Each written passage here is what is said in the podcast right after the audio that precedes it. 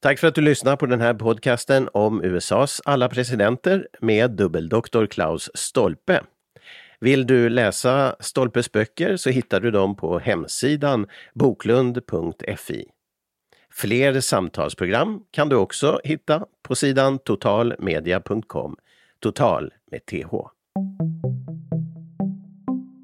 Ladies and gentlemen, our national anthem. Mr. President. I, John Fitzgerald Kennedy, do solemnly swear. I, Barack Hussein Obama, do solemnly swear. So help me God. Free at last! Free at last! Thank God Almighty!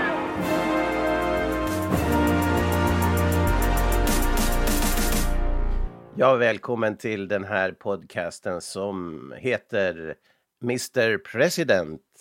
Eh, där vi går igenom alla presidenter, hoppas jag. Nu har vi kommit till den fjärde och det är James Madison. Och med oss har vi dubbeldoktorn eh, Klaus Stolpe från Åbo Akademi. Välkommen som vanligt. Tack, tack, tack, tack. Och det här med ditt intresse för Amerika, USA i allmänhet. Eh, du berättade förut i början av serien att det väcktes av Lucky Luke, någonting som vi ju som är uppvuxna på 70-talet och kanske även tidigare, de har läst sådana här serieböckerna.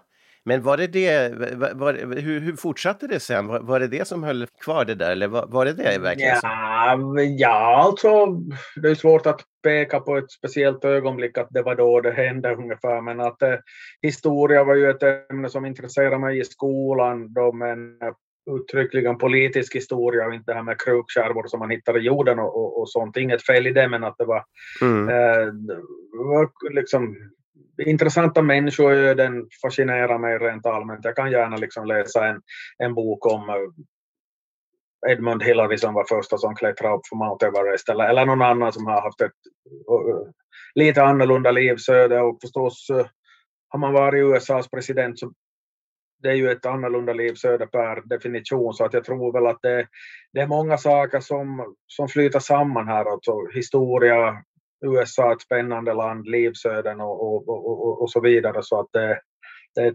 tangerar, USAs president tangerar väl en hel del av sånt som jag tycker att är intressant. Men var du, var du liksom, när du gick i skola och så, också någon slags Amerika eh, frälst, Amerika-expert då, eller var det mera bara historia menar du?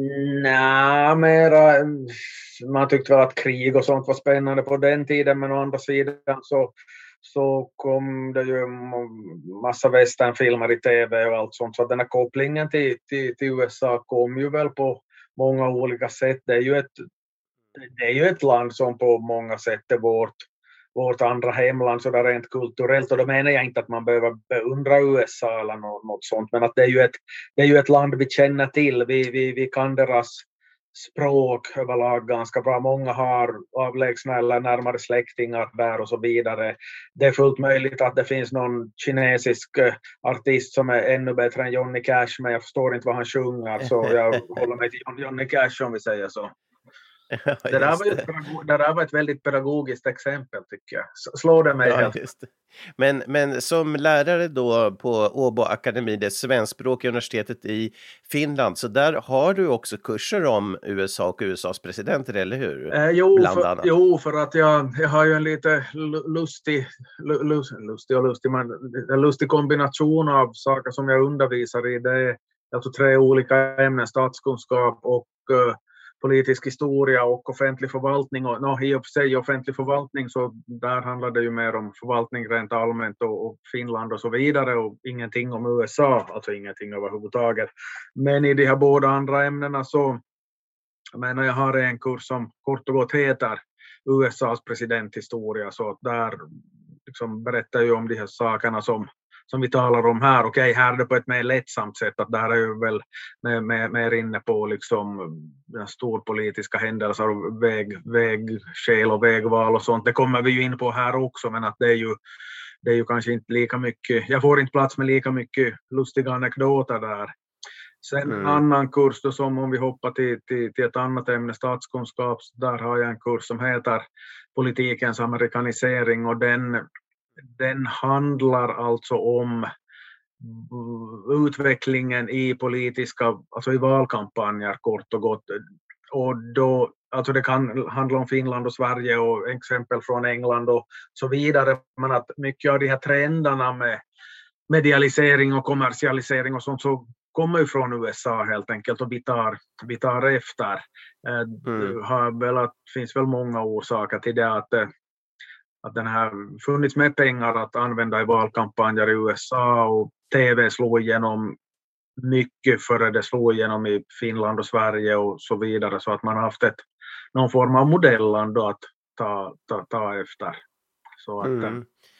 Jag minns när jag växte upp i Umeå, inte så långt härifrån där vi sitter i Österbotten i Finland, så, så var det ju ganska eh, problematiskt med Amerika under 70-talet och början av 80-talet på det viset att Ehm, ja, det var en ganska politisk eh, klimat kanske i Umeå den trakten som var lite mer åt ett annat håll än det allmänhet i Amerika. Och det där, så att jag minns att jag vid samhällskunskap så frågade läraren om, om Sverige då eh, i det fallet är en, eh, om, om vi trots vår neutralitet som vi är väldigt stolta över ändå inte lutar lite åt USA. Och då vägrade jag av princip att gå med på det, att det, nej, vi är neutrala liksom i alla fall. Men det, det, och jag tror att det, även om det var lite löjligt kanske, så var det faktiskt ett uttryck för hur, hur, klimatet lite var där. Att man, fast man tyckte bra om USA så, så, fick man lite förneka det i den trakten. Och jag vet inte hur, hur det var i den här trakten. Här, här fanns ju mycket mer påtagligt en utvandrartradition till USA. Och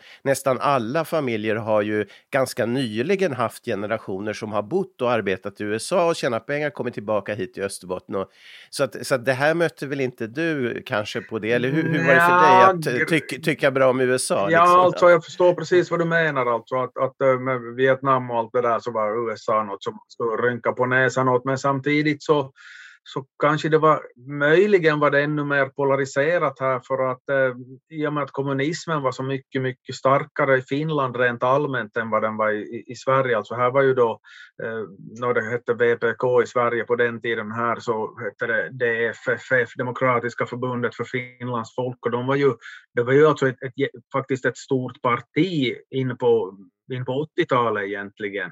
De har ju till och med varit största, part, största parti i, i Finlands riksdag vid något, något, något tillfälle, jag tror det var mm, 58 eller när, när, när det var så att, eh, så att här var det ju på det viset mer polariserat. Uh, här i, i Österbotten då där jag, jag då håller till så det är ju den egentligen den mest borgerliga valkretsen, av tradition den mest borgerliga valkretsen i hela landet. Alltså vänstern är ju väldigt, väldigt svag här. Alltså av, ja. av 17, 17 riksdagsledamöter i dagens läge så, så finns det ingen vänster, vänsterförbundare och ingen grön och, och några enstaka sossar och sen är det liksom Centerpartiet som, som eh, sopar hem ganska mycket på, på finskspråkiga landsbygden och Svenska folkpartiet som är starka bland de svenskspråkiga så att det här är ju väl, av tradition väldigt, väldigt borgerligt. Ma ja, Mannerheim och de höll, höll, höll, höll hov här under inbördeskriget och så vidare då. Den då vita de här, staden. Ja, de ja. vita ledarna var tvungna att, att fly, från, fly från Helsingfors 1918 då de röda tog över. Så, att, så vi har spännande historia här också. Det, det, det är inte enbart i USA. Men som sagt, du, du var, det, det, var inte obekvämt för dig då i den här trakten att ha ett visst USA-intresse i alla fall? Nej, det, jag menar, jag, jag tror man skulle blivit mer stigmatiserad om man skulle ha liksom sympatiserat väldigt hårt med Sovjet. Mm, jo, jo, förstås. Ja, det är ju känsligt. En annan fråga här. Just jo, jo, jo, jo, jo, jo, i och med att det är liksom skillnaden mellan Finland och Sverige att Sverige har ett hade ett annat land mellan sig själva och Sovjet så att säga. Och det, ja. det, det, det, det sätter sin prägel på saker och ting.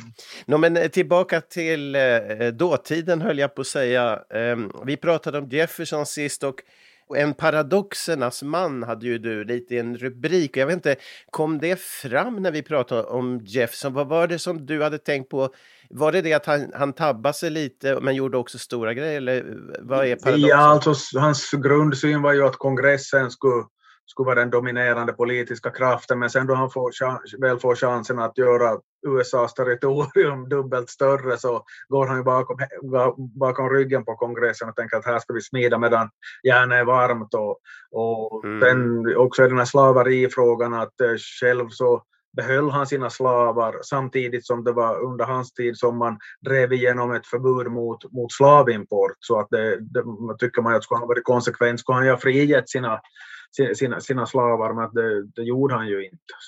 Så att, sen då han dog ja, så var det, var, det väl så att en del blev fri, fria via hans testamente, men att eh, och så var det den där krigsförklaringen, det var han också väl, eh, där presidenten tog sig en liten light krigsförklaringsmöjlighet? Ja, precis, ja, ja, precis. Jo, jo, jo alltså att, att eh, det, via honom som, han har ju fått igenom då det här eh, prejudikatet att eh, presidenten har en, i viss mån kan bedriva någon form av krigföring eller inofficiell krigföring utan, utan att be kongressen om en krigsförklaring för att det var ju helt enkelt pirater i, i Medelhavet som hotar amerikansk sjöfart och då är frågan att vad, vad, liksom, vad ska vi göra åt det här då? Att, att ska man förklara? Mm. Man kan, lite svårt att be kongressen komma med en krigsförklaring mot sjörövarna. Att det var ju enklare då att, att äh, ge dem väpnad eskort på något, på något vis. Men att det, det blev ju ett prejudikat som har använts senare också. Att, att presidenten mm. har en viss, vissa rättigheter att att eh, ja, ta, ta, ta till med hårdhandskarna vid behov om vi säger så. Ja, just det. Så att paradox att han, han eh, tänkte på nedtonad roll, men så tog han faktiskt mm. ganska stor plats. Men då ska vi gå vidare och, och, det är James Madison, den fjärde presidenten vi har framför oss. Och han, han är ju ungefär då 20 år yngre än George Washington och John Adams. Han är född 1751 och lever till 1836, han Madison. Och eh, ja, vad är det för ett politiskt klimat med de här som vi tycker underliga partierna, fast, för vi är så vana med demokrater och republikaner. Men det var lite annorlunda då, det hände saker på den fronten också i, i just hans tid. Jo, för att det var, det var då som de här federalisterna, alltså de som var starka uppe i New England i nordost, alltså Boston-trakten och ditåt, de, ville ju, de betonade ju en form av att det skulle finnas vikten av någon slags centralstyre och dit hörde ju då inte, inte, inte Madison eller Jefferson utan de hörde till de här demokratrepublikanerna som, man, som de brukar omtalas i vår, vår litteratur idag. För mm. att undvika sammanblandning med de båda partier som finns, finns nu. Men att eh, det är en story i sig också förstås, men att eh, under den här tiden, eller ska vi säga att federalisterna var på tillbakagång och eh, det var nämligen så att efter att, att Jefferson hade då lyckats förstå, fördubbla landets yta via köpet av det här Louisiana-territoriet så, så var han ju väldigt populär och självskriven segrare då han skulle bli omvald 1804 och eh, federalisterna dog undan efterhand. Dessutom så anammades federalisternas, vissa av federalisternas idéer av de så kallade demokratrepublikanerna så att det fanns inte så stort politiskt svängrum för, för, för federalisterna och det där, det där så, det vill säga John Adams gamla parti om vi nu ska illustrera med, med någon. Mm. och, uh, och det där så tilltog under James Madisons tid som president så att även om, även om han inte, han räknas ju inte som någon av de här legendariska presidenterna men att det var ändå här som USA mer och mer gled in på ett, eh, ska man nu kalla det enpartistyre tillfälligt. Och det är ju då en epok som, som ofta kallas för the era of good feelings, alltså de, de mysiga känslornas epok eller någonting sånt därför att man slapp, slapp undan det här partimässiga käbblet men det som inte folk eh, fattade så var ju att om det är ett parti som styr så uppstår ju fraktioner där i alla fall och, och eh, eh, förekom vissa korruptionsskandaler och sånt så att det var en del då som sådär syrligt började kalla den där perioden för the era of good stealings istället. Det var kanske lite överdrivet men att det, det blir ju som inte good feelings bara för att det är ett parti som styr. Det kan ju se bra ut på ytan men att eh, att internt så finns det ju olika grupper. Det kan man ju jämföra med en, en kommun med en kommun med var ett parti har egen majoritet, alltså det kan, kan ju ändå mm. finnas två, tre, fyra olika liksom, grupper som är uppdelade kring några starka personligheter eller byar eller no, no, någonting annat. Så att, Mm. Men det där partiet som vi kallar för eh, Demokratrepublikanerna, alltså eh, den sammanslutningen, hade den något namn på engelska i dåtiden? Eller? Ja, alltså de kallar sig själva för Republicans. Det var det Ja, som de det. identifierar sig som, men att, att det var ändå, vi ska ändå, det var ju inte eh, liksom registrerade partier som, som idag, utan det Mm. var ju snarast frågan om eh, grupperingar kring olika starka ledare, skulle väl vara en, en bättre, att se- sen, Mm. sen då demokratrepublikanerna splittras, som vi kommer att tala om senare, det, då är vi inne på mitten av 1820-talet, så då, då grundas ju Demokraterna rent formellt som en utbrytargrupp från de här demokratrepublikanerna. Så att då, då kan man, då, man brukar peka på att Demokraterna, de, som då, den gruppering som uppstår kring Andrew Jackson på 1820-talet så är det som det första, ska vi kalla det masspartiet i någorlunda modern mening helt enkelt. Mm, just det. Och sen republikanerna, dagens republikaner är ju då ett gäng som kommer ja, flera årtionden senare. De kommer ju på 1850-talet sen då slaveriefrågan växer i betydelse. Mm. Ja, precis. Alltså, man måste hålla tungan rätt i mun här för det, det Ja, är lite lite olika. nog. Ja, det, det skulle vara, vi säger som så att det skulle vara enklare om de här demokratrepublikanerna ska kalla sig för någonting helt annat. Så, så, så, så skulle vi ha undvikit den där ja, risken för sammanblandning av termer helt enkelt. Men federalisterna var ju ute efter att få en mera enhetligt Amerika. Men vad då, vad då demokratrepublikanerna fortsättningsvis, eller det som då kallades för republicans i den Madisons tid, var de fortfarande ute efter att, att få ganska separata en, eh, självstyrande stater då? Var det ett tema som gällde? Det, det, var de nog, det, det var de nog, men att, att eh, de, de förstod ändå med tiden att, att federalisterna så hade rätt i vissa saker. Att, att, eh, att, eh, att om man inte har någon, något enhetligt styre så är det ju svårt att liksom slå ner en bonderevolt eller något sånt. Säger att, vi säger att det finns en, en skockfarmare som vägrar att betala skatt eller något liknande. Så jag menar, hur gör du då om inte du har något tvångsmedel? Och det är bättre att ha en vid behov en nationell armé att ta till för att liksom slå ner någonting. För att inte, för att inte tala om rikets försvar, att det är ju klart att det är ju, det är ju lättare att, att försvara om vid, en, vid ett eventuellt angrepp från någon europeisk stormakt så är det ju det, det är ju så mycket lättare att, att eh, ta sig i försvar ifall man har något enhetligt system kring det militära. Ja, precis ja. Men då, så den här frågan federalism eller den, den finns ju kvar men den, den uppluckras lite grann och mer och mer då kan man säga i alla fall. Jo, för att, eh, att i takt med sådana här kanalbyggen och, och, och småningom ångbåtar och järnväg och allt sånt så, så blir ju de här del, olika delarna av landet så blir ju mer sammanknutna med varandra än vad det har varit tidigare. Mm. Så att det var ju också samhällsutvecklingen som gjorde att hej väntas nu att vi kan som inte hålla på och låtsas som att vi är x antal olika länder här för att, att ska, vi, ska det här gå vidare så måste vi ha något, någon form av enhetligt system för hur vi liksom beslutar saker och ting Mm. och så vidare. Och, och jag menar den, den tydligaste separationen eller skillnaden är ju eh, till lydriket England i själva verket. Och där uppblossar nu under, under. Madisons tid så uppblossar det krig igen och det är en krig, krigperiod verkligen med England. Det är inte Mr Madisons War till och med som det kallas någonting där eh, under den här perioden. Ja, det brukar ofta, ofta kallas för, för det. På, i, I svensk, läser man en svensk bok om det här så brukar det väl kallas oftast för 1812 års krig, vilket är lite konstigt för att det pågick ju i flera år, men att det bröt ut 1812. Mm. Det vill säga samma år som han skulle bli omvald och valen är ju i, i november så att, att då Madison blir omvald så, så befinner sig USA i krig helt enkelt mot, mot, mot en dåtida, dåtida stormakt och och det, här, det, det där så var ett krig som amerikanerna var dåligt rustade för så att det där kunde mycket väl ha kostat dem deras självständighet kort och gott. Mm.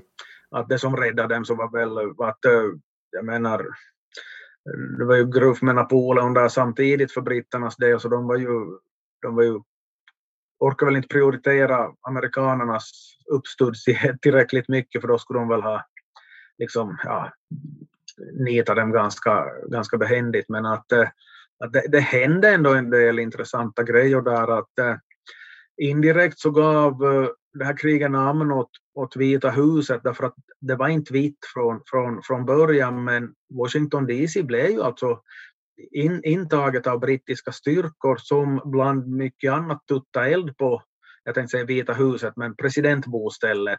Och eh, det, det skulle ha brunnit ner, men, men det, som tur för amerikanernas vidkommande, för att inte tala om Madison som inte blev, blev inte hemlös, så började det ju regna ganska ordentligt så att, att branden släcktes. Det var lättare att släcka, släcka branden, men för att dölja de där skadorna från branden så målar man den där kåken vit. Och det har den varit sedan dess. Men att det är först sen i början av 1900-talet som, man, som det här uttrycket Vita huset blir ett, ett vedertaget begrepp. Aha, okej. Okay men, men alltså det var ett angrepp mot Vita huset då av engelsmännen helt enkelt?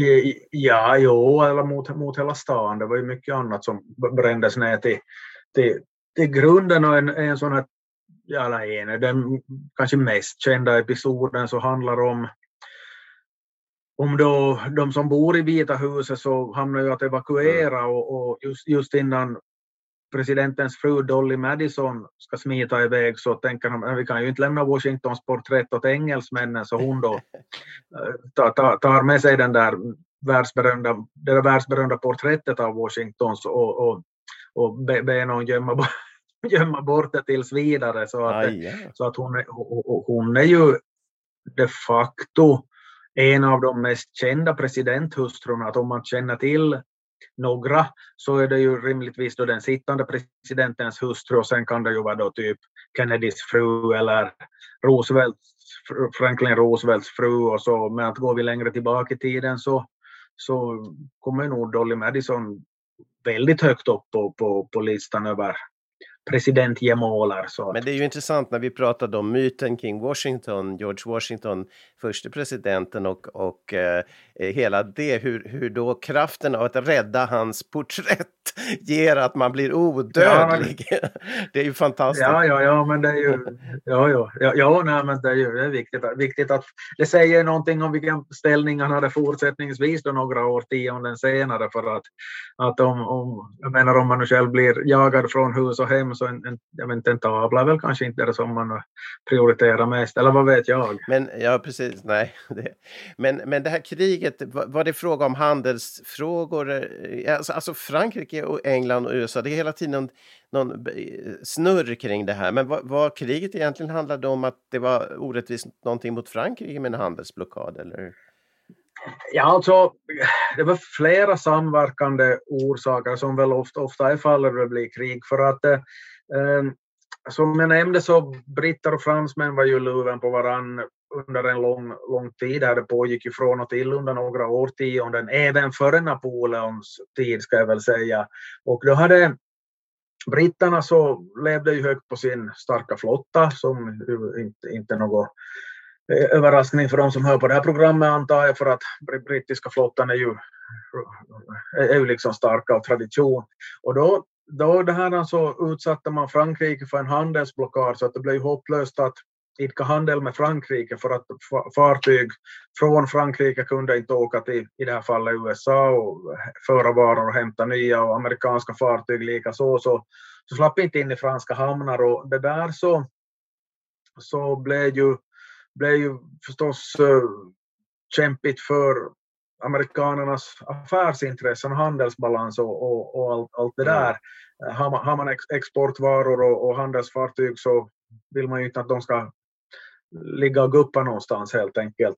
Och, uh, och det här dessutom en annan sak som förstärkte den här irritationen från amerikanskt håll mot, mot britterna var, var den så kallade tvångsvärvningen, att, att man, det kunde hända att äh, brittiska fartyg inte bara hindra amerikanska fartyg från att anlöpa franska hamnar, utan man kunde också helt enkelt tvinga amerikanska sjömän att ta värvning i, i, i brittiska armén. Ja. Och det är ju, det är liksom rena, rena kidnappningen om vi, om vi säger mm. så om man ska se på, se på någonting annat som ju är ska säga, mindre smickrande för eh, för amerikanernas vidkommande så, så finns det en tredje punkt. Och det var nämligen nog så att vissa, vissa krafter i USA, jag säger inte att det gäller Madison för att det, vet, det har jag inte riktigt klart, men att, att det fanns krafter som såg en chans att helt enkelt erövra Kanada, att man skulle införliva Kanada med USA. Och äh, amerikanska trupper så gick ju in i, i, i Kanada också, så att den, den stad som, som, vi, som vi känner som Toronto så, så brändes ner till grunden av amerikanerna. Den hette, inte, den hette inte Toronto på den tiden, den hette York, men att, att det, det är alltså samma stad det är frågan om. Det byggdes upp en ny stad sedan på, på, på samma ställe. Men var, var Kanada då engelskt i det fallet? Brittiskt? Mm, mm ja. Och då, och då i detta utspann sig Madisons krig. Vi ska säga det att, men det fanns, man brukar kalla de här eh, krigerna, epokerna på något olika sätt. Eh, eh, ja, franska revolution, revolutionskrigen förstås i början och sen Napoleonkrigen med vi, ungefär när de, de, de, går i, i, kant i kant, men det är någonstans. Eh... Ja, alltså det är ju alldeles i början på, på 1800-talet, mm. alltså det är ju, vi ska komma ihåg att, för det Frans, jag tar ur minnen och bara franska revolutionskrigen brukar man väl räkna från 1793 till 1802 ungefär och mm. sedan Napoleonkrigen från 1803 till 1815. Det där kan vara, liksom, nu tog jag bara ur minnen, men ungefär så. Mm. Vi ska komma ihåg att då man, i det skedet som man köpte Louisiana-territoriet av, av fransmännen 1803 så att då var det ju då var det ju Napoleon som man, som man handlade med helt enkelt. Mm. Så det är ju en sån lämpligt sån här riktmärke. Han, hade ju, han, var ju ganska, han var ju rätt färsk på, vid, vid makten i Frankrike då. Mm, just det, och eh, ja, så det var krigen mellan, mellan fransmän och eh, britter och sen hade vi då i, i detta Madisons krig då, herr, herr Madisons krig som vi kallar det. Och, och han var alltså president eh, 1808 vald första gången, 1812 andra gången, så mitt i de här krigsperioden då, Napoleonkrigsperioden. Eh, men, eh, men vad, vad, vad, hade han för meriter och bakgrund? Vi vet att han är också en av de, nu börjar det bli den, de sista founding fathers, eh, men han är en av dem och han hade en betydelse för, för hela det här skapandet av USA, eller hur? Jo, jo, jo, jo, alltså han är ju mer känd som som eh, mannen bakom grundlagen, konstitutionen, mm. än, än vad han är känd som, som president egentligen, för att han gjorde en mer betydande insats där. Han, eh, han, han omtalas ofta som mannen bakom konstitutionen. Det var i och för sig en, en, en titel som han själv ville liksom avsvära sig från därför att han, han betonar ju att det var ju väldigt många som hade varit med om den där konstitutionen och, och det var ju ett enda kompromissande hela den där konstitutionen men att det är ju ändå någon som ska han, han var ändå den här viktigaste personen där och liksom var inläst på alla möjliga alla möjliga olika statsformer som hade funnits tidigare så att han, han besatt en, en stor kunskap. Och eh, i, om vi om vi tar en koppling till vår egen tid och vår egen miljö, vare sig vi nu talar om Finland eller Sverige, så, så den här representativa demokratin så man kan väl på sätt och vis säga att han uppfann den också, det mm -hmm. kanske låter lite överdrivet, men att hans, hans idé var ju då att, att, att hela det här med USA, den här tredelningen, så var ju att, som ett att se till så ingen får för stor makt själv, det vill säga typ som den brittiska kungen eller något, något, något sånt. Så att, att, att det här med representativ demokrati, de valda representanter som var till för att refine and enlarge the public view, alltså att eh, mm. för, för, för, och förstora den allmänna åsikten, alltså att det där blev, det var världshistoriens sämsta översättning, förstår det får låta bättre på engelska, refine and enlarge the public view. Ja, det är riktigt. Det vill säga att, och det, det, och det, det, där är ju ett väldigt finurligt uttryck därför att det, det säger ju någonting om vad den här represent, tanken med representativ demokrati är. Alltså vi går och väljer väljer nog ett antal människor som sitter då i ett kommunfullmäktige eller en riksdag och så och, och sen om vi inte tycker om dem så byter vi ut den fyra år senare eller hur lång mandatperiod man, man har. Mm. Så, men att det var han, hans, hans grej. Ja, och det, det är intressant med po- politikerrollen. Man kan ju fråga sig om det har spelat ut sin roll, att det ska finnas någon som behöver refine and enlarge vår, våra andras syn idag när, det, på, när hela samhället förändrats med uttrycksmöjligheter och, och bildning och allt sånt där. Och det, det är säkert en debatt och diskussion kring direktdemokrati och sådant som ni, som ni säkert forskar om och, och vet mer om i, i statsvetenskap. Ja, men det, det, ja, men det räcker ju med att vara fem minuter på Facebook så fattar man att man behöver, man behöver folk som refiner och enlarger public view. Okej, I- inget, inget positivt jag- intryck. Jag, jag, kan, jag, kan, jag kan utveckla det där mycket. Vi, kan, vi kanske går vidare innan jag skämmer ut mig. Men Okej, så jag, det... ska en hel del, jag ska en del att säga om Ja, men det ligger mycket, ligger mycket i vad Madison tänkte ut. Och han, han, han la ner ganska mycket kraft i att, att så att säga researcha det här, eller hur? Ja, ja, ja, uppenbarligen så har han nog läst allt vad han, allt vad han kom, kom över ungefär. Så att det är nog, det även om det nu var 55 stycken som var där och, och, och, och dividerade om hur saker och ting skulle gå till. på Mm, he- he- Het sommar i ett hett tegelhus i Philadelphia Mm. sommaren 1787 så att han är ju nog den av de där av de 55 killarna, för det var ju bara killar på den tiden som fick säga, säga någonting. Så, så att han hade ju nog det största inflytande och liksom höll, höll långa och många talturer och, och ett sånt här exempel från det där att han, han insåg själv att han, att han var så ivrig så att han eh, kanske gick till, inte i överdrift men att han var väl rädd att väcka någon irritation eller sånt så han hade sagt åt en bekant att, att sen, jag, sen jag blir för ivrig så, så sitt bakom mig och så drar du, drar du mina rockskörtar där jag liksom går, går, går för långt. Och, så var det en gång då, han konstaterade att nu hade jag pratat för mycket och för vitt och för brett och kanske besserwisseraktigt och sånt. Och så sa han åt den här kompisen att, att varför gjorde du inte som jag sa, att du skulle dra i mina rockskörtar? Så sa han att då hellre skulle jag lagt min hand på en blixt. Så alltså, det, det hade varit mindre skadligt än, än att försöka stoppa Madison. Ja, precis. Ja, det var, kän- kändes sundare att lägga handen på en blixt än att, än att dra i rockskörtarna för att brom, bromsa åt honom. Men, men vad vet vi om Madison på så vis? Är det hans iver och hans engagemang som gör att han får den där positionen? Eller tror du att han hade också en, en läggning och kunskap om, om statsförvaltning och så här vidare? Har, har du någon inblick i det? Alltså min uppfattning är att han var oerhört insatt för, för sin tid helt Mm. enkelt. Han var på, påläst på ett sätt som, som de andra inte in, inte var. Och, eh, och, jag menar, och då blir det ju också att om någon annan har andra idéer så, så kunde han ju som argumentera mot, mot där. Men nu vill jag då betona att, att, eh, att det var ju så, så, så mycket kring den där konstitutionen som man helt enkelt var tvungna att kompromissa om så att vi, vi vet inte, det är väl inte klarlagt i vilken utsträckning hur många som vilka idéer som kommer rakt från Madison och vilka som kommer från någon annan. Jag kan ju ta, ta som exempel bara att, eh, att de har diskuterat hur ska den lagstiftande församlingen, alltså kongressen, se ut. Och, och då var det ju så att de här mindre delstaterna så de såg det från sin synvinkel och sa att, ja, men att om, om, om vi ska betona delstaternas betydelse så måste ju alla delstater ha lika många representanter. Mm.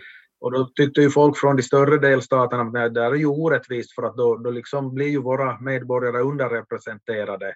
Och surprise, surprise så fick man då ta en kompromiss så att man har, det är därför som vi har ett system där i senaten så har alla delstater lika många ledamöter, Mm. två, två var. Och i representanthuset så är det proportionerligt fördelat. Och, och, i dagens läge så är ju de proportionerna på sett till invånarantalen alltså helt otroliga för att Wyoming som är minst så har 600 000 invånare. Det är väl som, eh, liksom som Helsingfors Mm. eller Göteborg med omnejd eller någonting sånt. Och de har två senatorer. Men Kalifornien som har nästan 40 miljoner invånare så har också bara två senatorer. Mm. Men sen i representanthuset så är det Wyoming och några andra så har bara en enda medan Kalifornien har 53. Ja. Men, va, va, men då, sen är det ändå så att senaten hela tiden är den viktigare församlingen. Den avgör hela tiden om man tänker på att det verkar som att den ändå har den tyngsta makten. Ja, eller? ja, i praktiken, alltså tanken är nog att de ska väga, vä- väga lika men att, att, eh, att uh, om man nu ser på ta det här med riksrätt, så, så det ska ju gå då via riksrätt mot en president alltså, så, så det ska ju då gå via representanthuset. Och där räcker det med enkel majoritet men, men de röstar ju bara om att föra det vidare till senaten. Men sen då det är i senaten så krävs det två tredjedelar, vilket är väl motiverat för annars skulle annars så man kunna tänka sig att en president skulle åka dit bara för att liksom, det andra partier råkar få majoritet i båda kamrarna eller någonting sånt så att det är en, en del av den här varför man har fastnat för just det och inte liksom tvärtom så men, men att det, blir, det är ju också ganska symptomatiskt att de får sista ordet i en sån fråga där då, alltså för att illustrera det här med delstaternas betydelse, därför att där är då Wyoming lika mycket värt som, som Kalifornien eller Texas eller no, no, no, någonting sådant. Just det, och, och, men det är just i riksrättsfrågan till exempel, den här ordningen. Ja, men, men också, också sedan i Alltså i mång, i, när det gäller vanlig lagstiftning så har de väl ungefär samma betydelse om man vill förklara enkel, eller samma vikt. Men, eh, men grejen är ju att i sådana här utnämningsfrågor, om, om vicepresidenten dör eller avgår, så då ska den nya godkännas av senaten. Ja, då har inte representanthuset någonting att säga till om. De här mest kända exemplen med utnämningsfrågor är ju då någon kolar av i högsta domstolen och någon ny ska utsättas. Det går ju också via senaten. Men vi pratar alltså om fjärde presidenten eh, Madison nu och eh, som vi berättade så var han ju kunnig på statsbildning, eh, eh statsförfattning. Han fick stort ansvar för konstitutionen, han tog sig stort ansvar, han var ivrig. Eh, eh, men han, och, och, återigen det här med att studera franska var också en sak som vi har pratat med om Adams när han skulle till, till Paris. Men, men även i fallet Madison fanns det någon historia om det här med franska som du, som du hade, eller hur? Ja, ja det, det gick inte så bra. För att, det, var, det, det, här, det, här var före, det här var före han blev president. Det är lite synd, det skulle varit roligare om det, det här skulle ha hänt medan han var president. Men att han var, han var på, något, på någon tillställning där han, han då skulle diskutera diskutera på, på franska med en fransman och, och liksom trodde att han trodde att han kunde trodde att han kunde franska men det var ju bara det att eh, han visste ju inte hur franska lät och den, den kar som hade lärt James Madison franska så var en, en, en kar från Skottland som talade med en uppenbarligen en väldigt grov skotsk accent. Ja. Så att han lärde sig tala franska med skotsk accent, för den där fransmannen hade inte begripit någonting. Ja, det är ju men, men jag, skulle faktiskt, jag skulle faktiskt vilja veta hur det där låter. Men, men i och för sig, om jag får bjuda på ett, det här, nu kommer vi väldigt långt från från, från det här med USAs presidenter, men jag har ju ett motsvarande exempel från min kusin som är alltså född och uppvuxen i Vancouver. Och, eh, och det här, hans båda föräldrar är från Pörtom, alltså i, i södra Österbotten. I, och de har ganska, ganska anmärkningsvärd dialekt, eller bred dialekt eller vad vi vill kalla det. Mm. Och, eh, och de talar ju svenska hemma.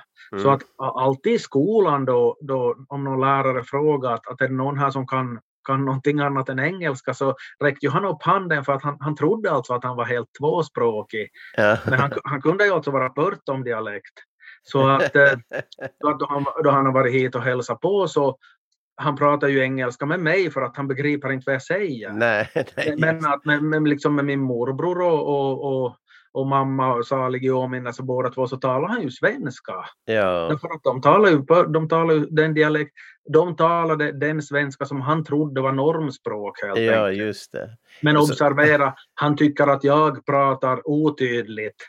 Och jag måste, nu måste jag säga att jag väl en viss knut, väl, här kommer en viss knutpatriotism i mig, men att om det är någon som talar tydlig svenska så borde det väl vara någon från Vasa. Ja. Tycker ju jag, men att det är ju men jag är något, jag är något jävig ja, i precis. den frågan. där, där Pörtom och andra ställen har en mycket stark äh, gammal traditionsdialekt från sådana här kallade bondedialekter från, från, som, som både i Sverige och Finland, de här äldre dialekterna som kan, vi kan uppfatta mm. då som kanske svåra, men det var, det, det var hans normspråk plötsligt då som Ja, det var ju precis det, det var det som var svenska för honom. På samma sätt som franska för James Madison var det som den där skotten hade lärt åt honom. Jag måste, vi måste undersöka om det finns exempel på uh, båda de här ja. två. Men, ja. men uh, Frankrike i övrigt så, så det är ju hela tiden den här spänningen som vi säger mellan det brittiska riket, Frankrike och brittiska monarkin och Frankrike och sen då USA där mittemellan på något sätt. Och, och um, det var inte, alltså det, man hade väl som slagträn, vi har hört om hur man trodde att, eh, vad heter det, Adam skulle bli någon ex, liksom extra kung, någon liten kung och alliera sig med britten. Men, men här när det gäller Jefferson och, och eh, um, Madison så fanns väl några anklagelser om att då istället alliera sig med, med Frankrike och bli till och med flytta dit, eller vad var det? Något sånt här? Ja, alltså det var ju några tidningar som skrev troligen liksom helt grundlöst eller att de hittade på det själv eller, eller nåddes av några rykten som de inte brydde sig om att kolla att, att Jefferson och Madison skulle ha fått franskt medborgarskap någon gång i slutet på 1700-talet och liksom haft eh, sympatierna ditåt så att de här federalisterna tog ju fasta på det där och började kalla honom för fransosen eller fran, frenchman. För att liksom påminna, på, påminna folk om det där att han är ju inte egentligen riktig amerikan ens längre. Men att det där var ju nog inte någonting som slog an eh, just i och med att federalisterna var så pass svaga då redan. Men att om vi säger att det där skulle ha skett i ett skede då, då partierna skulle ha varit mer jämnstarka så kan det ju hända att det skulle ha fått någon, någon betydelse men att det var inte något som, mm. som slog, slog igen. Men var federalisterna, kan man säga att de var mera engelskvänliga och demokrater, republikanerna eller republicans som de hette var mera franskvänliga de facto? Eller? Ja, nog kan man för att den här Jefferson så var ju en, en liksom vän av franska revolutionen mm. och sådär så att det, det, var ju nog en av de där brytningspunkterna och eh, och det här bara nu också en sån sak att ett exempel från det här Mr Madisons War som är ganska talande så, så var ju att eh, federalisterna var ju då, de var ju starka dit uppe i nordöstra hörnet, alltså Massachusetts och, och Vermont och Connecticut och vad det nu heter, de där delstaterna där. Så att de det kallas, för New, det kallas ju också New England, det där området. Och de delstaterna där, alltså märk väl som dominerades av federalisterna, så, så slöt ju en, en, eh, en separat fred med, med två kanadensiska provinser, det heter inte delstater i Kanada utan provinser, att är det nu, jag kan inte den kanadensiska kartan men skulle det nog varit New Brunswick och Nova Scotia eller, något, mm. eller vilka, vilka det nu var, eller jag ska vara lite osäker på, på att det var just de två för att jag kan, i och med att jag inte kan den här kartan utan till men att, att eh, och, och dessutom hota med att träda ur unionen som protest mot det där kriget. Ja, Mr Madisons War alltså. Exakt, men att eftersom då britterna inte gick fullt in i det där kriget så klarade sig amerikanerna så pass bra som man kan säga att det blev oavgjort. Och det gav ju då en, det blev ju en, från att det hade varit ett kritiserat krig så blev det ju en källa till nationell stolthet. Så att, eh, så, så att det, det gjorde ju ytterligare att federalisterna försvagades för att de sågs ju som någon form av ska säga, landsförrädare i och med att de inte hade ställt upp fullt ut. Mm. En, ett i mitt tycke ganska bra exempel på vilken betydelse det fick för den här eh, nationella stoltheten att man klarade sig så pass bra mot engelsmännen som var gjorde var ju att nationalsång, USAs nationalsång så härstammar från den här tiden. Mm. Och det, det, är inte bara rent allmänt, alltså den här Star Spangled Banner som man hör hör i, i OS och, och, och, liknande och ifall de till äventyrs vinner någon match i ishockey-VM och så vidare. Så, så det, det kommer, den, lå, den låten, den sången, den hymnen, så, så härstammar från en väldigt konkret händelse. Det var nämligen så att den här Francis Scott Key som har skrivit den där så, så blev vittne till då engelsmännen kom in vid, alltså i inloppet till, till, Baltimore i Maryland, alltså ganska nära, ganska nära huvudstaden, och blev så rörd då han såg de här, sina landsmän då försvara försvarade det inloppet mot den till synes övermäktiga engelska flottan. Och, och då, då liksom i det där så har han sådana romantiska bilder av då han ser då när du vet no, blixtar och dundar och kanonskott lyser upp och explosioner och så ser, ser han då amerikanska flaggan vaja stolt där och det vill säga the Star Spangled Banner. Så att det, det, det handlar om de slog, det handlar om de slog till hamn i Baltimore.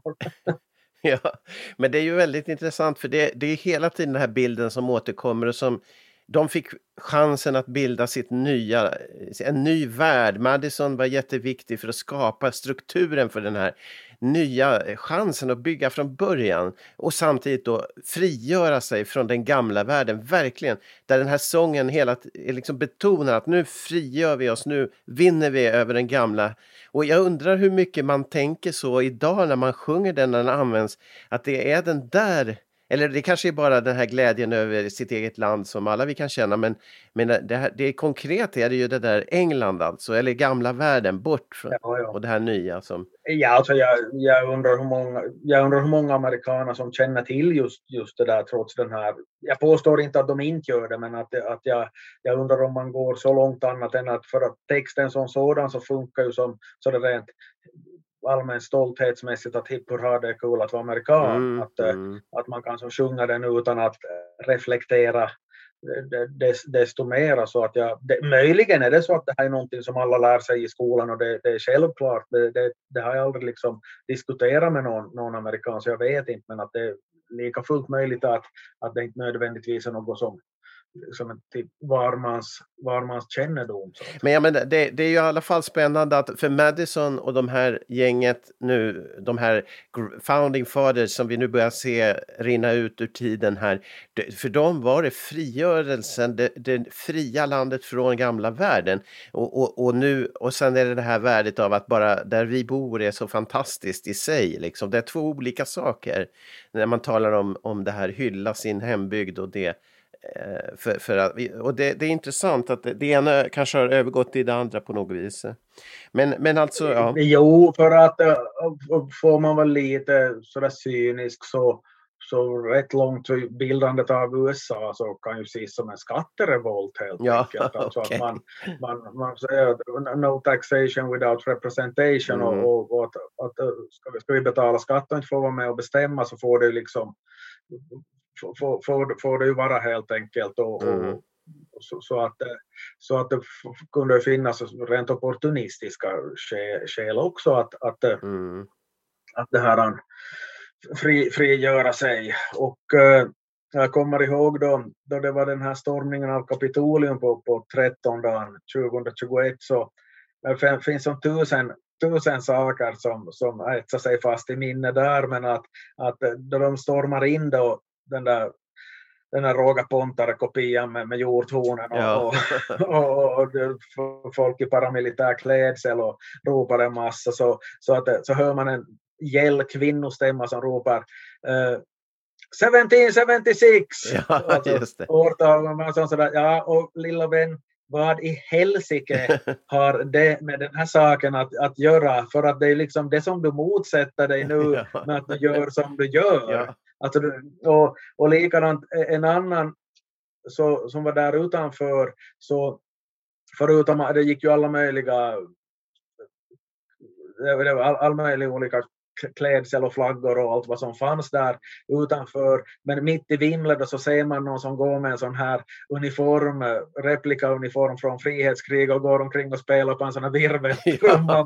Ja. att du är liksom helt fel ute lilla vän för att, att du liksom, du gör du gör det motsatta mot vad du tror att du gör för att du... Ja, ja precis.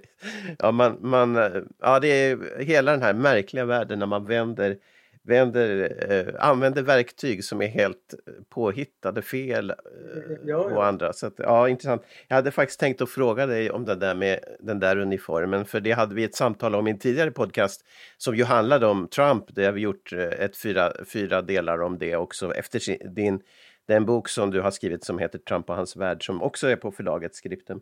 Men i alla fall, vi är hos Madison och han blir alltså omvald 1812 och då, eh, ja, först och främst, han, han avverkade ett antal vicepresidenter och då kom det en ny där 1812 som var som var, väl blev känd, men inte för kanske det att han var vicepresident i och för sig. Mm, nej, det, det är sant. Alltså, det är ju så att eh, Madison hade ju lite otur med sina vicepresidenter för att eh, bägge dog.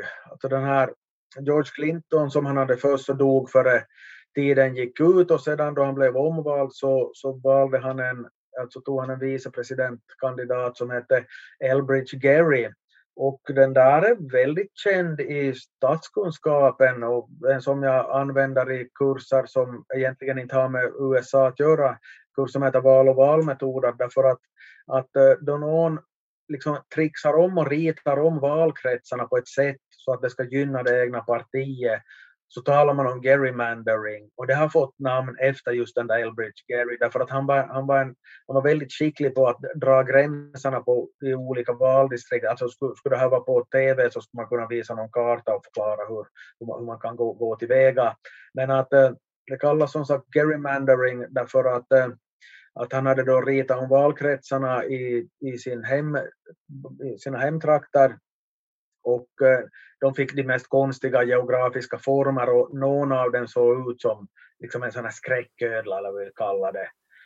Jaha. Och, eh, och då, då, var det någon, då fick han kritik för det där i någon tidning så att, att man kallade det där monstret för en gerrymander, alltså det var, Gary kommer ju då från hans namn och mander från en, alltså en salamander, sån här ödle, ödle typ. Och det är det, så att, eh, att även om han Alltså den här killen så nämns ofta i, i, litteratur som har med valmetoder att göra, men att, att det, det, brukar inte ens nämnas att han var vicepresident, att han varit USAs vicepresident. Aha, okej. Okay.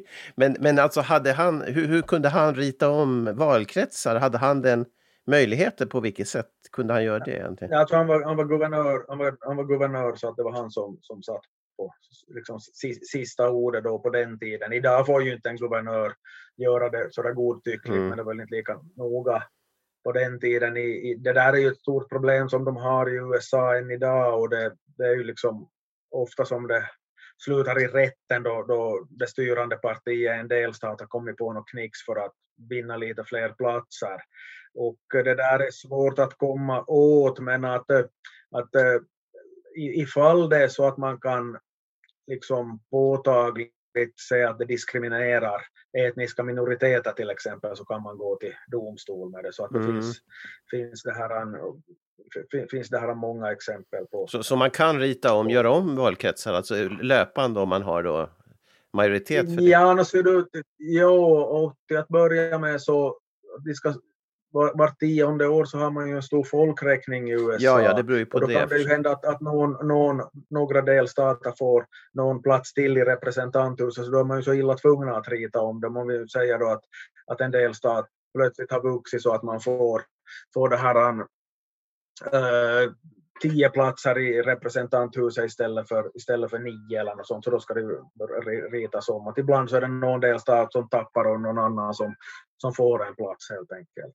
Just det.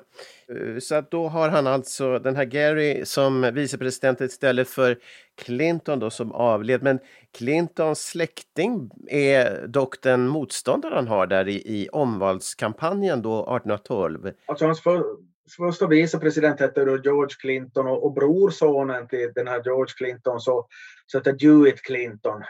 Det vitt skrivs det eh, lite lustigt namn, men folk hette ju nödvändigtvis samma sak på, på den tiden som idag. Och eh, han var ju, eh, han var ju totalt, totalt chanslös, men att han är ändå han är jätteintressant den där, den där Dewitt Clinton, för han var, han var guvernör i New York och eh, senare då åren 1817 till 21 så byggde man eh, en kanal från Atlanten ut mot, mot de här stora sjöarna, alltså det som gränsar till till, till, till Kanada, Aha. Great Lakes som det kallas.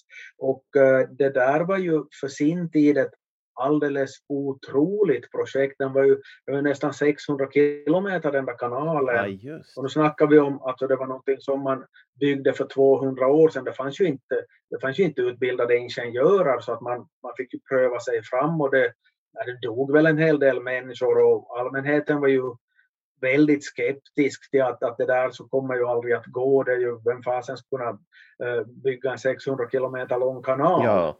Och det, det kallades för Clintons dike och, och, och, sånt där. Men att det var ju, sen då det väl blev färdigt så det där så minimerar väl transportkostnaderna med typ 90 procent eller nå- Oj, oj. någonting, någonting i den stilen. För att det är, ju, det är ju en sak om du bara kan lägga någonting på en pråm, den var ju i och för sig hästdragen, men, men i alla fall att det är ju lättare att dra någonting som är vatten än att du ska börja transportera någonting med några prärievagnar eller något, något i den Mm. stilen. För jag menar, vi ska komma ihåg att det här var ju långt före det fanns några järnvägar eller något, något, något annat. Mm. Så att det där är ju, det, som jag berättade i något tidigare sammanhang, att det här, det här Lewis och Clark-expeditionen då man skulle, skulle utforska det här området som man köpte av Napoleon så var ju, var ju något alldeles otroligt. Men att också den här så kallade Erie-kanalen, en av de sjöarna som heter Erie, Mm. så, så att det, det, redan det så är ju en helt fascinerande story över hur man, hur man liksom gick tillväga och prövade sig fram och missförstånd och olyckshändelser och, och, och allt sånt. Så att det, det blev ju dyrt både i termer av pengar och säkert också människoliv. Hur många som omkom vet, jag nu inte men att det var, det var man, man höll ju på i, i fyra år utan att från början egentligen veta hur man skulle göra. Titta, ska vi bygga en kanal? Ja. Hur gör man det? Någon som har bra tips? Ta en spade. Ja, det är märkvärdigt. Men, men att den är fortsättningsvis idag en jätteanvänd kanal ju. Så att, Jo, jo, jo. Jag tror det, vad jag vet är det väl en av de mest trafikerade som finns i hela världen. Så att jag antar att de måste ju ha breddat på den ordentligt och så att det där har jag aldrig koll, kollat upp. Men att det, det är alltså någonting som, det är inte ett museiföremål utan det är ju att du kommer med, med ett fartyg till Hudsonfloden, då, alltså den här som går genom, mellan New York och New Jersey, i de trakterna, så och sen, sen ska du vidare så då, då är det ju lämpligt om du kan flytta över lasten till en mindre båt och åka längs med, med den där kanalen. Och ifall du ska ha någonting då till, vad ska man hitta på, Detroit eller Toronto eller vad, som nu, vad som nu ligger där i de trakterna. Så att det där så, det var ju sånt där som bidrog till att det underlättar ju att USA växte helt enkelt också.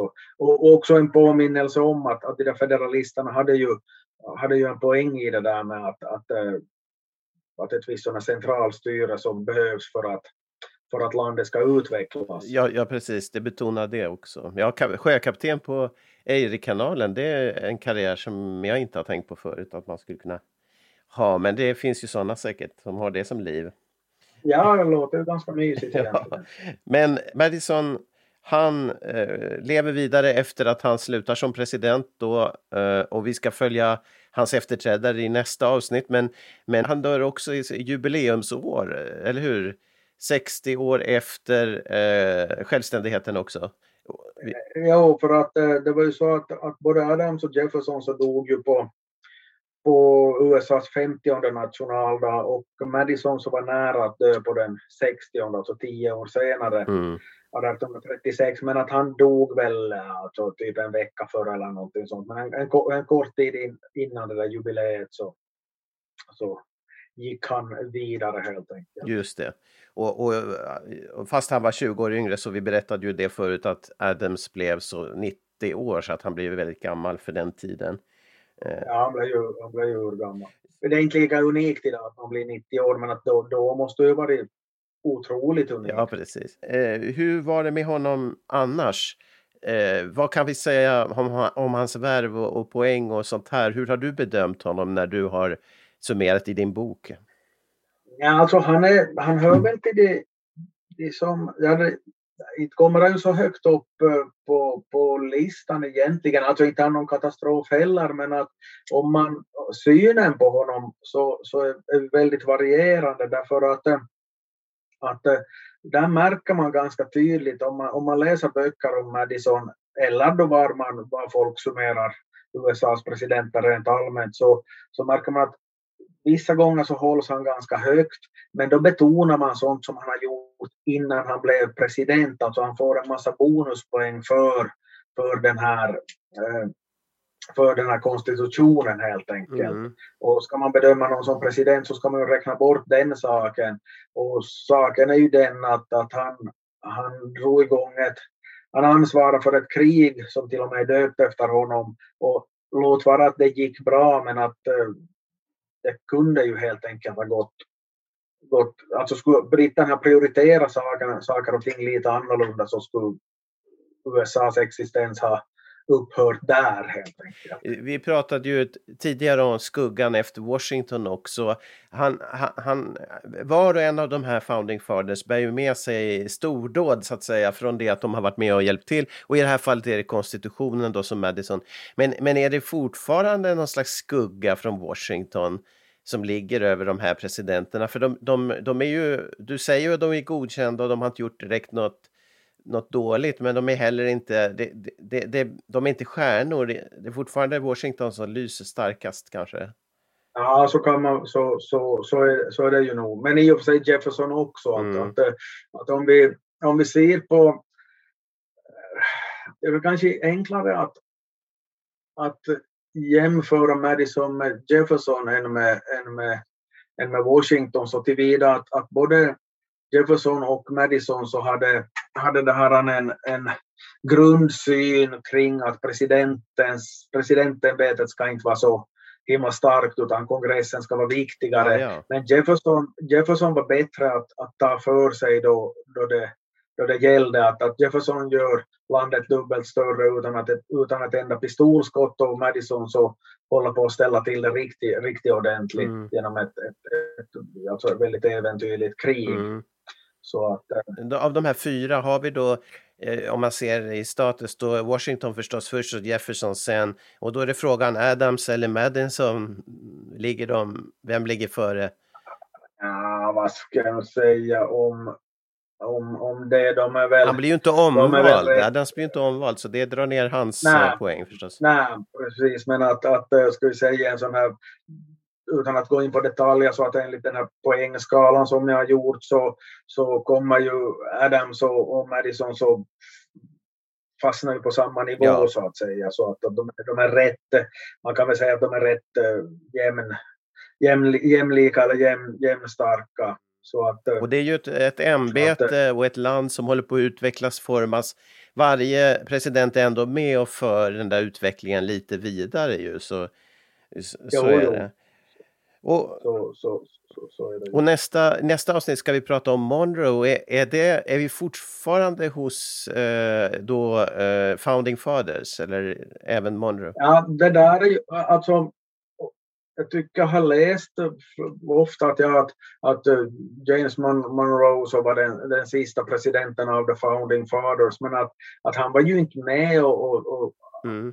att, vad, vem är founding fathers? Nu han har varit med i politiken redan, redan tidigt, men han var inte med och, och, och liksom vare sig vid det där självständighetskonventet, då var han ju väldigt ung i och för sig, men inte heller så hade han varit med och skrivit den här grundlagen så mm. att han, han kommer liksom på något vis med på köpet där, men att inte, men jag tror att en orsak till att han räknas med till den där första skaran, så det har dels att göra med att han han, han är från Virginia, vilket alla de där första presidenterna utom John, John Adams är. Men sen också hans eh, klädsel och sånt så liksom understryker att han hör till en annan tid. Han, han var den sista presidenten som gick omkring i sådana här byxor som slutar vid knäna till exempel. okay. och, och, eh, och, hade en sån här eh, sån där hatt, alltså sån där. George Washington-hatt, äh, trekantshatt, jo, så, så, att, att, så att han liksom på, även till sitt yttre eller till sin klädsel så hörde han till en annan tid för att den som sen kommer efteråt så hör ju per definition till en annan generation sedan för att det är ju då John Adams son. Ja, just och han, han har då längre byxor och annan hatt om vi säger så. Ja, just det. Men vad intressant. Och, men Monroe då, som, det är där som, som den här stor, stor generationen på sätt och vis i hans presidentskap som det, det upplöses och, och, blir till historia då, de här founding fathers i alla fall. Men, men han, och han blir också vald två gånger så att det är det vi ska prata om nästa gång då. Ja, i det fallet så berodde det på att det fanns bara ett parti så att valet så det gällde att vinna nomineringen i den egna gruppen så så blev man ju vald. Ja, just det. Ja, precis. Ja, ja Klaus Stolpe, Tusen tack för din eh, fantastiska berättarförmåga och vi ser fram emot fortsättningen. Tack för medverkan. Tusen tack själv, vad kul. Du har lyssnat på podcasten Mr President och du kan hitta fler avsnitt och andra samtalsprogram på sidan totalmedia.com. Vill du läsa Klaus Stolpes böcker om USA och presidenter så hittar du dem på sidan boklund.fi.